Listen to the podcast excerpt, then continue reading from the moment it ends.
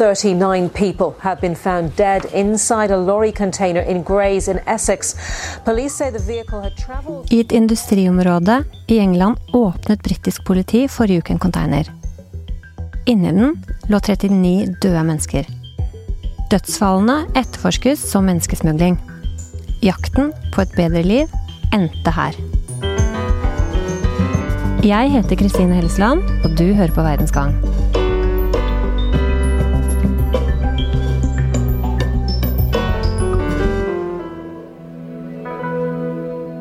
For å gi sine to barn et bedre liv ville 30 år gamle Le Van Hæ finne arbeid i Europa.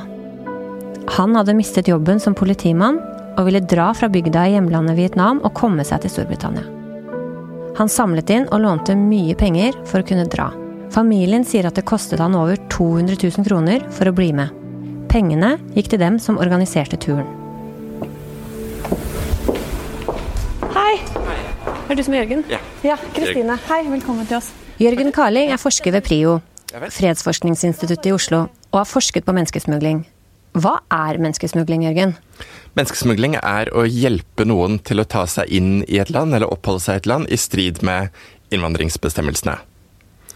Og ofte så tenker vi jo da på folk som blir smuglet i en lastebil, eller på andre måter krysser grensen uh, utenom der man vanligvis eh, krysser grensen.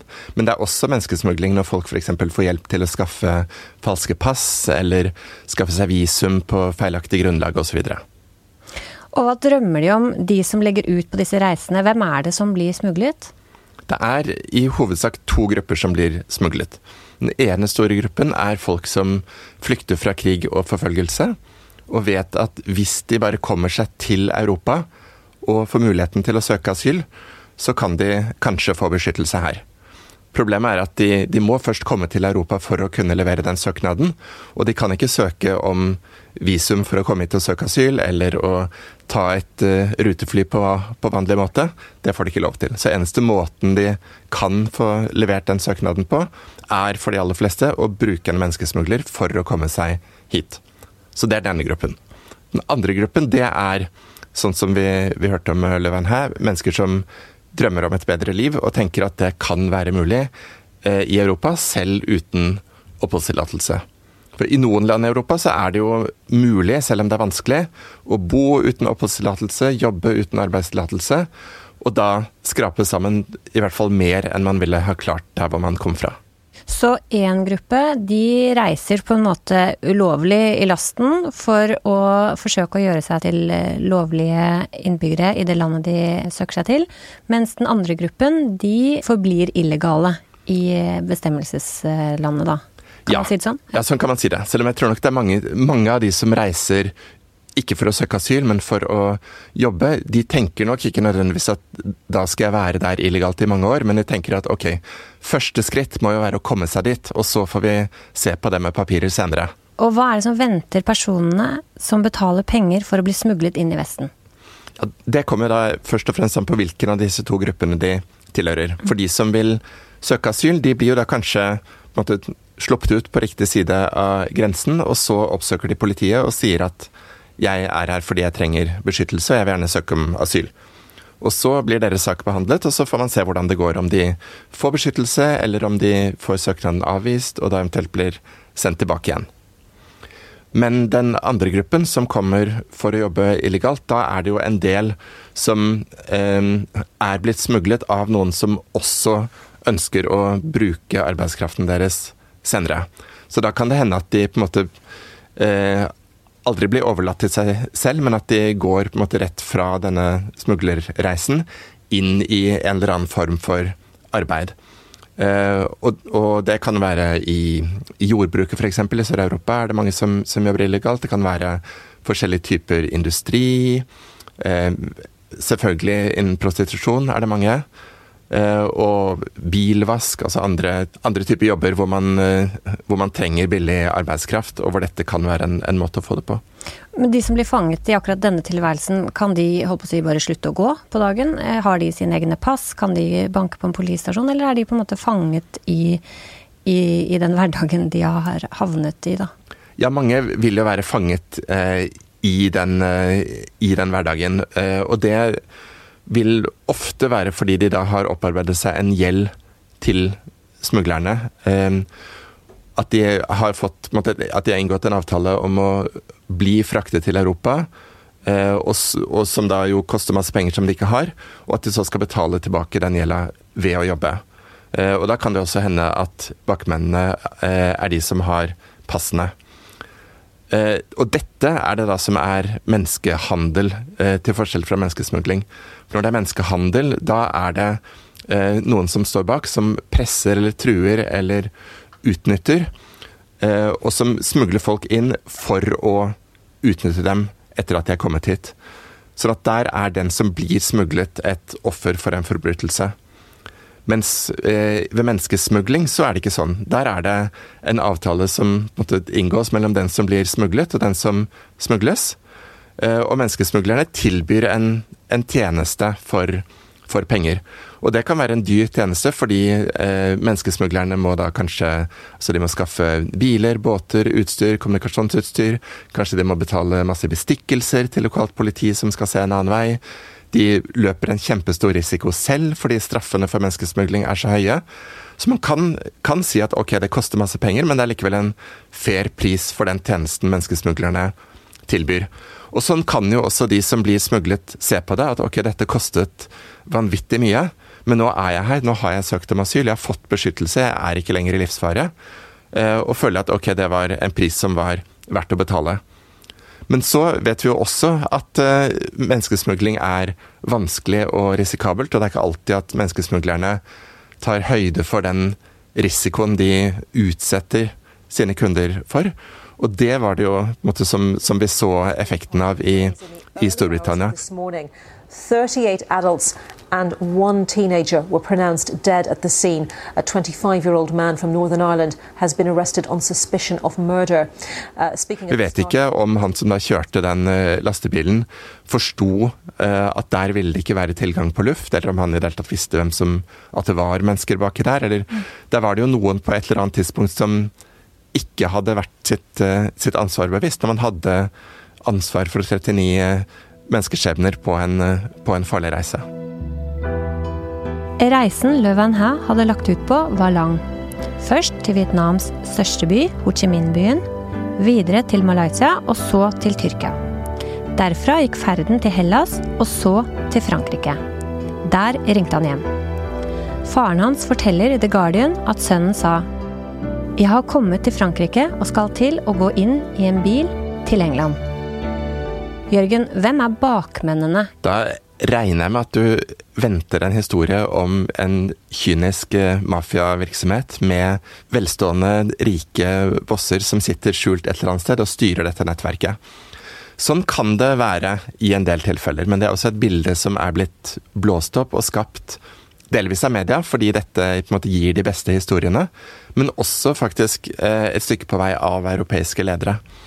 Fordi hvis vi tenker tilbake på det som skjedde i Middelhavet for eh, noen år siden, hvor flere tusen mennesker druknet, og det, det gjør, de jo, gjør, de jo, fortsatt, så følte europeiske ledere et voldsomt press om å foreta seg noe.